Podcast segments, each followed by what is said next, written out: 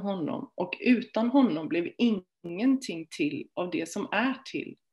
I honom var liv och livet var människornas ljus och ljuset lyser i mörkret och mörkret har inte övervunnit det.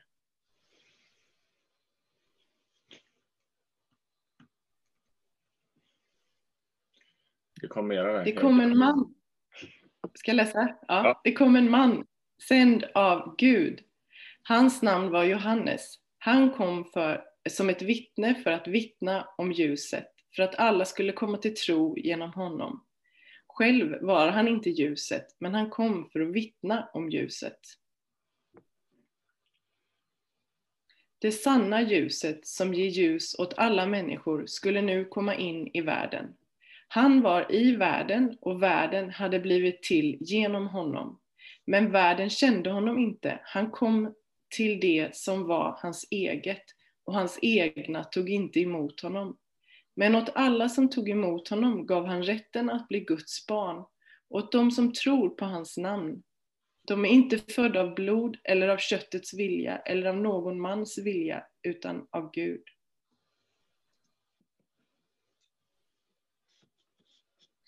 Och ordet blev kött och bodde ibland oss, och vi såg hans härlighet, den härlighet som den enfödde har från Fadern, och han var full av nåd och sanning. Johannes vittnar om honom och ropar, det var om honom jag sa, han som kommer efter mig är före mig, för han var till före mig. Av hans fullhet har vi alla nåd, nåd och åter nåd. Lagen gavs genom Mose, nåden och sanningen kom genom Jesus Kristus. Ingen har någonsin sett Gud. Den enfödde som själv är Gud och i Faderns namn, han har gjort honom känd.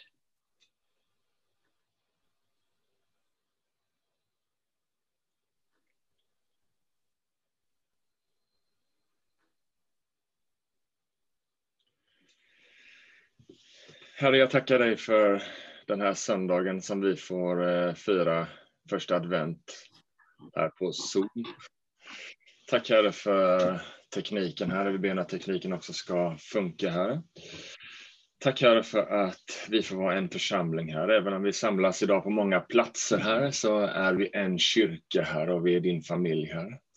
Jag ber att du med din heliga Ande ska få hålla mig i ditt grepp den här söndagen här och den här stunden när jag ska få lägga ut den här bibeltexten som vi har hört Herre, Jag ber att du ska hålla mig i ditt grepp med den helige Ande, att du ska uppfylla mig med den helige Ande och att du ska uppfylla var och en som lyssnar och tar del av det här med din helige Ande.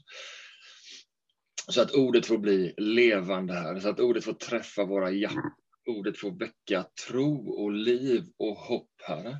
Vi ber om det, Herre Jesus. Tack, Herre, för att du har ett tilltal inne i var och en situation idag, Herre, om ljuset som övervinner mörkret, Herre. Tack att det är sant idag och det är sant rakt in i våra situationer, Herre. Tack för det, Herre.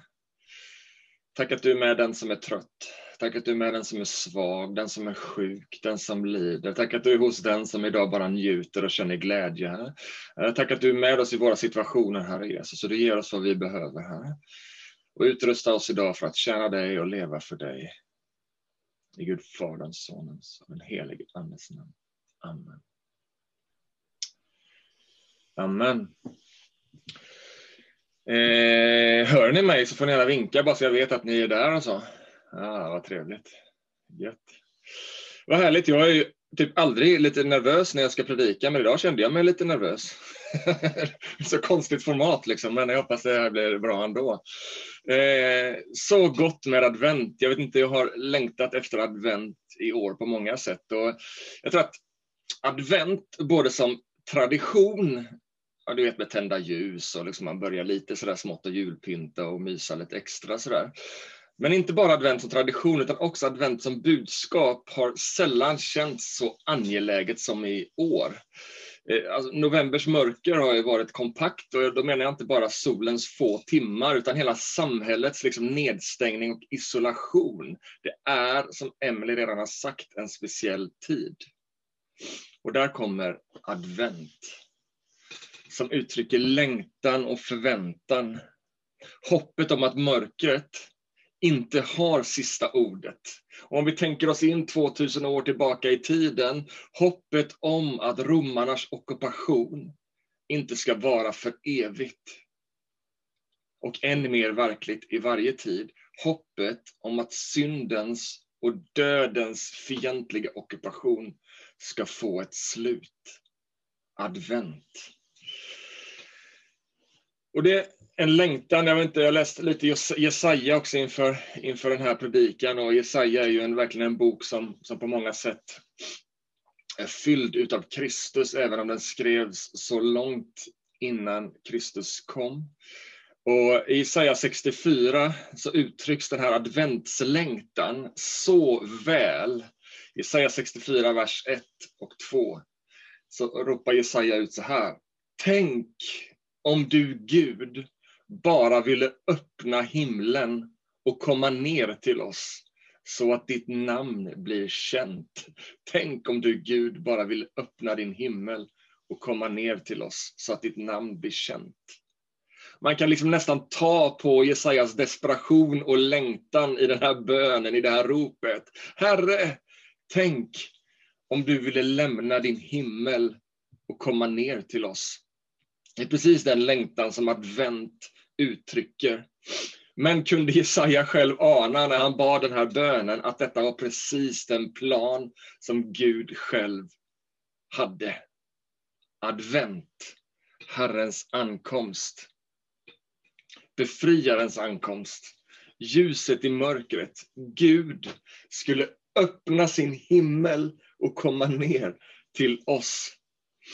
Och som vi hörde i vers 9 i dagens text, det sanna ljuset som ger ljus åt alla människor skulle nu komma in i världen. Och jag vet inte, nu sitter vi i våra hem, vi sitter i våra olika situationer och liksom allt vad livet är. Men oavsett vilka dina omständigheter är, oavsett ditt mörker, om du nu känner att det finns sånt i ditt liv, så har ljuset kommit för att lysa upp och det är ett verkligt hopp som advent påminner oss om. Det är ett verkligt hopp att du är inte lämnad ensam eller övergiven. Jag vet, ibland när vi sitter i skiten så är det just det vi känner. Vi känner att man är ensam i skiten. Det är ingen som har det som jag, det är ingen som, som kan förstå hur jag har det. Men det finns en som precis kan förstå hur du har det. Och han har inte övergivit dig. Och budskapet i advent är att mörkret aldrig är för kompakt för ljuset. Det finns inget mörker som är så kompakt att inte ljuset övervinner det. Lyssna på orden ifrån Jesaja 60, som liksom ekar genom liksom hela alla evangelierna och evangeliernas löfte i advent, så ekar Jesaja 60, och det står så här i vers 1. Stå upp! Du kan stå upp där du sitter, stå upp och stråla, för ditt ljus kommer och Herrens härlighet går upp över dig. Se, mörker ska täcka jorden och töcken folken, men över dig ska Herren gå upp. Hans härlighet ska uppenbaras över dig.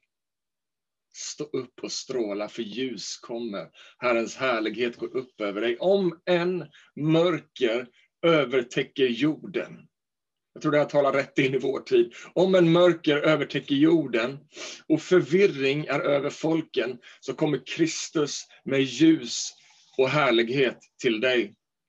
Sådan är han. Sådan är vår Gud, uppenbarade Jesus. Han tänder hopp för den hopplöse. Han ger liv åt den livlöse. Han ger styrka åt den svage. Han ger gemenskap, gemenskap åt den ensamme ljus för den som vandrar i mörker. Och det sägs om Jesus i vers 5 i dagens text att han är detta ljuset. Ljuset lyser i mörkret och mörkret har inte övervunnit det. Mörkret gjorde vad det kunde och vad det kan. Allt som stod i mörkrets makt försökte mörkret med. Men ljuset lyser och mörkret har inte, kan inte övervinna det. Och det är den serien som vi går in just nu, ljuset som övervinner mörkret, Kristus själv. På påsken trodde djävulen att han övervann, men i själva verket så var det han som blev övervunnen. Mörkret kunde inte kväva ljuset, för ljuset övervinner alltid. Så jag vill säga till dig, och kanske är det rakt in i någon situation just nu, släpp in ljuset i ditt liv. Släpp in ljuset där du kämpar. För när du släpper in ljuset som är Kristus själv så måste mörkret fly. Och lyssna nu, kämpa inga kamper i mörker. Kämpa inga kamper i mörkret, för där vinner du inga segrar. Kom ut i ljuset, släpp in ljuset och Kristus har vunnit seger för dig. Amen. Det var min introduktion som var en liten predikan i sig. Vi har läst prologen som det kallas, det är inledningen till Johannes evangeliet.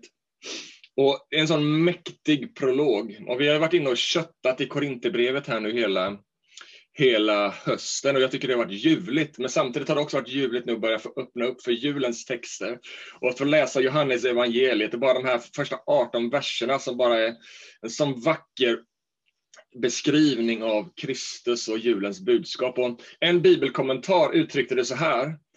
Man känner att man står på helig mark när man läser de inledande verserna i Johannes evangelium. Och det är lite så man känner, det är ett sånt språk som man känner att man står på helig mark, med det vackraste av språk. Och med en kärnfullhet som är så välbalanserad och fulländad, så summeras och målas hela evangeliet i några få verser. Det eviga ordet, i begynnelsen var ordet. Vilken början! Känner du liksom det episka?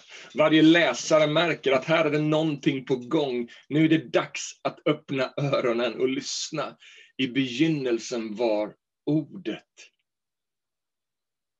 I begynnelsen, alltså före all tid, innan allt det som vi känner som vår värld, pre-skapelsen, pre-världen. Den tid som forskare försöker att blicka in i, men som de inte på något sätt kan greppa. I den tiden, där fanns ordet. Innan skapelsen fanns något som inte kan vara skapat. Därför att inget skapat kan finnas innan något är skapat. Är ni med mig? Innan skapelsen, det fanns något som inte kan vara skapat. Och i barnens, jag vet, var det Max eller Matteo som kom hem och jag tror det var Maximilian som kom hem och sa att i deras SO-bok så står det att ingen vet vad som fanns innan Big Bang. Ingen vet vad som fanns innan det som man idag försöker förklara som jordens skapelse. Och det står i boken att det finns teorier, men ingen kan förklara. Ingen kan förklara alltings ursprung, var allt kommer ifrån. Men en sak som är sann, åtminstone för oss som troende, men också rent logiskt, är att någonting måste alltid ha funnits. För någonting kan omöjligt uppstå ur ingenting. Kan vi förklara det eviga? Kan vi förklara Guds eviga väsen? Nej, jag tror inte det. Jag tror inte det skapade kan förklara fullheten av det eviga. Men för mig så finns det en naturlighet och det ter sig mer sannolikt att tro på en evig intelligent skapare än att tro på eviga materiella ting som i sig själv skulle ha en inneboende potential att skapa liv, kärlek, mening och sammanhang. Därför att det är ju vad man måste tro om man inte tror på Gud. Man måste tro att det finns materia som på något sätt har en inneboende potential att skapa liv, att skapa kärlek, mening och sammanhang. Men lyssna nu, för mig låter det precis som Gud. Så jag skulle vilja säga det när vi läser den här texten. I begynnelsen var ordet. Evigheten, tankarna på det eviga leder oss till Gud. I begynnelsen var ordet. Och ordet var hos Gud. Och ordet var Gud. Han var i begynnelsen hos Gud och allting blev till genom honom och utan honom blev ingenting till av det som är till. I ordet fanns potentialen att skapa liv, planeter, blommor, människor, kärlek, mening, sammanhang. Ordet, alltså själva evangeliets subjekt, evangeliets kärna, Guds logos, Guds skaparord, Guds sanning, Gud själv, ordet. Ordet var i gemenskap med Gud i begynnelsen, för ordet var Gud. Och ju mer vi läser i kapitlet så ser vi hur detta skapar ord, hur detta ordet är en allegori, är ett, är ett budskap om Jesus Kristus. Ordet är Jesus Kristus, Gud av evighet till evighet. Ditt ursprung, vårt ursprung, är inte en slump. Skapelsen är inte en slump som uppstått ur ingenting. Vår framtid är inte ett okänt territorium som saknar mening. Utan jag vill säga till dig att du vilar tryggt i hans händer som har skapat dig och skapat allt. Du vilar tryggt i hans händer som är av evighet till evighet. Så fortsätter texten. I honom var liv och livet var människornas ljus. Och ljuset lyser i mörkret och mörkret har inte övervunnit det. Det sanna ljuset som ger ljus åt alla människor skulle nu komma in i världen. I ordet var liv och i det livet fann människan ljus. Och Johannes, aposteln Johannes kan säga som ett ögonvittne till Jesu uppståndelse. Han kan stå där som ett levande vittne att mörkret inte kunde övervinna ljuset. Så när han skriver det här, när han säger det här, så säger han det med perspektivet att han har sett Messias uppstå från de döda. Mörkret kunde inte övervinna ljuset. Inget mörker kan övervinna dig, för ljuset ifrån Kristus i dig har övervunnit det djupaste mörker.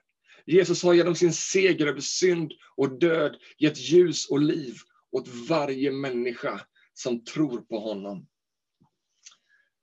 I vers 12 i dagens text så läser vi, men åt alla som tog emot honom. Jag tycker det här är vackra ord. Men åt alla som tog emot honom gav han rätten att bli Guds barn åt den som tror på hans namn.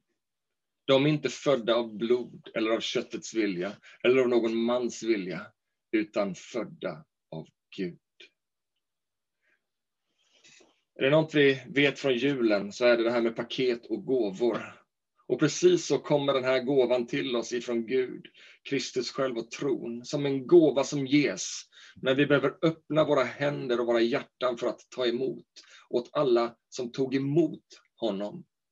Genom tron blir människor barn till Gud. Födda andligen av Gud.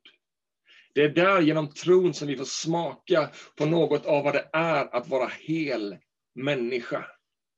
Hel är det att det fysiska får förenas med det gudomliga. Hel människa, människa som skapad med gemenskap med Gud. Där det andliga och det fysiska får förenas. I honom var liv och livet var människornas ljus. Zoe, andligt liv. I honom var liv, andligt liv. Och detta livet, det var vårt ljus. Och det är det här livet, det gudomliga livet som vi får del av i mötet med Jesus, när vi tar emot honom genom tron. Och vi del av det andliga livet.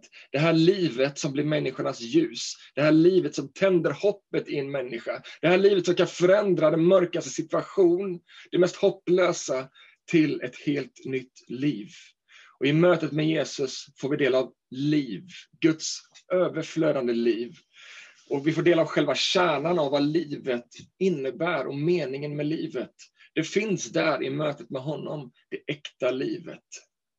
I mötet med Jesus så möter vi det som synden har berövat oss. Vi ser i ljuset att det fattas oss något. Vi ser att det ljuset som vi trodde var ljus, det var inte ljus. För vi ser ett ljus som lyser starkare och klarare och renare och vackrare och härligare, härligare och ljuvligare än någonting annat vi har mött. Vi möter ett ljus som inte bara framstår som attraktivt, utan också ett ljus som lyser upp. Det lyser upp på sanningen om vem Jesus är. Men det lyser också upp i våra liv för att avslöja och utplåna mörkret som finns där. Där vi får möta det som är vackrare och skönare och mer attraktivt än något annat vårt hjärta har sett. Vi kan inte fullt ut förklara det här. Men i Jesus så finner vi den här meningen, den här djupaste tillfredsställelsen. Vi finner det som har fattat oss. Och vi möter sanning och nåd, ljus och liv. Vi blir hel människa i det att det andliga får förenas med det fysiska så som det är skapat för. Och min sista punkt. Ordet är Gud. I begynnelsen var ordet och ordet var hos Gud och ordet var Gud. Och det här ordet, det blev kött och bodde bland oss. Och vi såg hans härlighet, den härlighet som den enfödde har från Fadern. Av hans fullhet har vi alla fått nåd och åternåd. Ingen har någonsin sett Gud. Den enfödde som själv är Gud och i Faderns famn, han har gjort honom känd. Vi kommer ihåg det här ropet ifrån Jesaja i vers 64. Tänk om du bara ville öppna himlen och komma ner till oss så att ditt namn blir känt. I en anspråkslös by, inneboende bland halm och hö i Betlehem, så öppnas himlen för ordet att bli kött. För Gud att komma ner till jorden, för Gud att bo ibland oss, för att göra Guds namn känt. Och medan de andra evangelierna, när man läser evangelierna så har ju alla sin egna karaktär och sitt egna bidrag till helheten.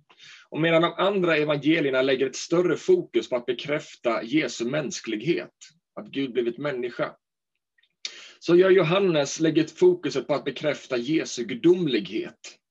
Att denna människa är Gud, Jesus som sann Gud och som sann människa.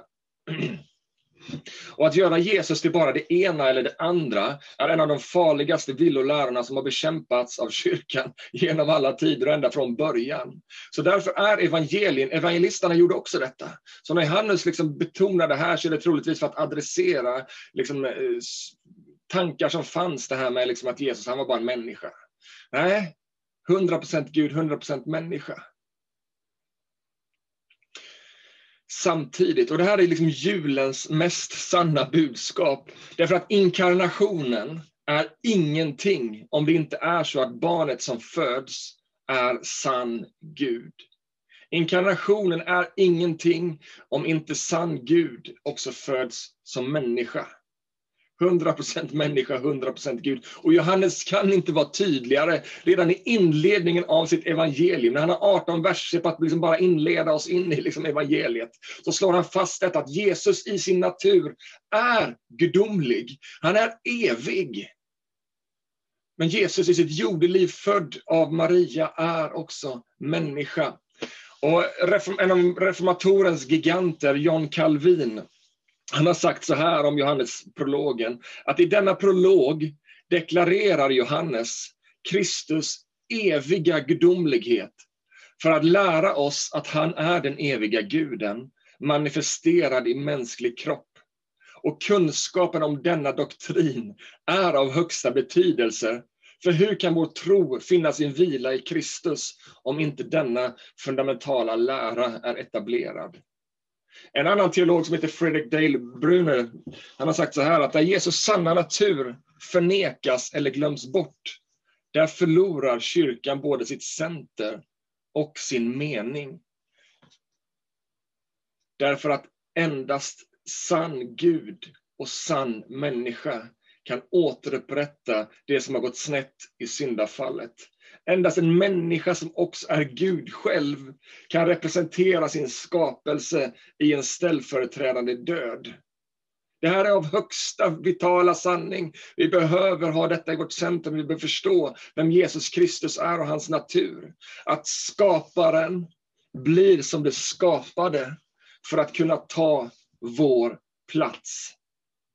Endast en som oss Endast en människa kan kliva in under mänsklighetens villkor och bli prövad av allt. Smaka på det djupaste av mörkret och övervinna synden och mörkret i vår plats.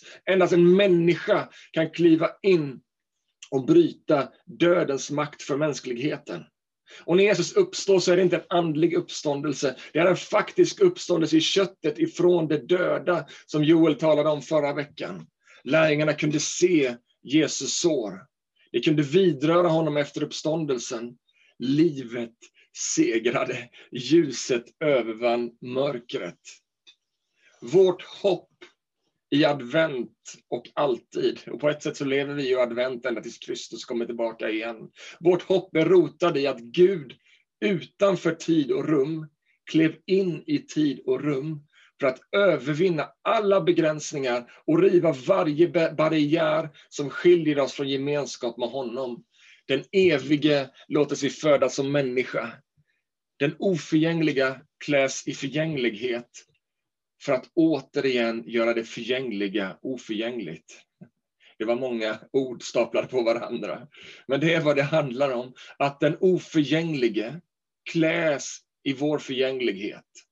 För att återigen göra det förgängliga, alltså oss, oförgängligt genom tron på Jesus. Han föds ibland oss, han lever ibland oss, han prövas som oss.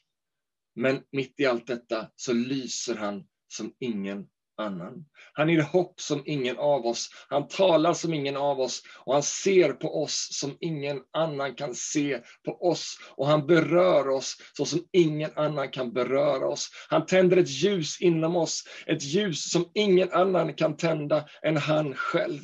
Och han gör det genom att han har dött som en av oss. Men han dog inte för sin egen skull, utan han dog för oss. Och han uppstod inte bara för sin egen skull, han uppstod för oss så att vi genom tron på honom ska uppstå med honom.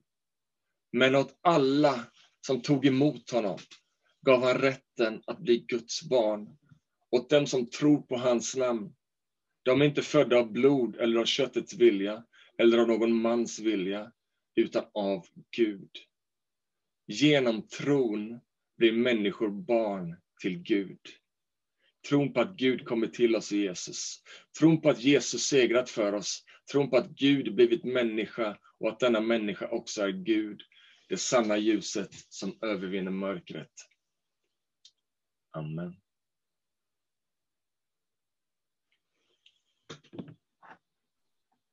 Amen.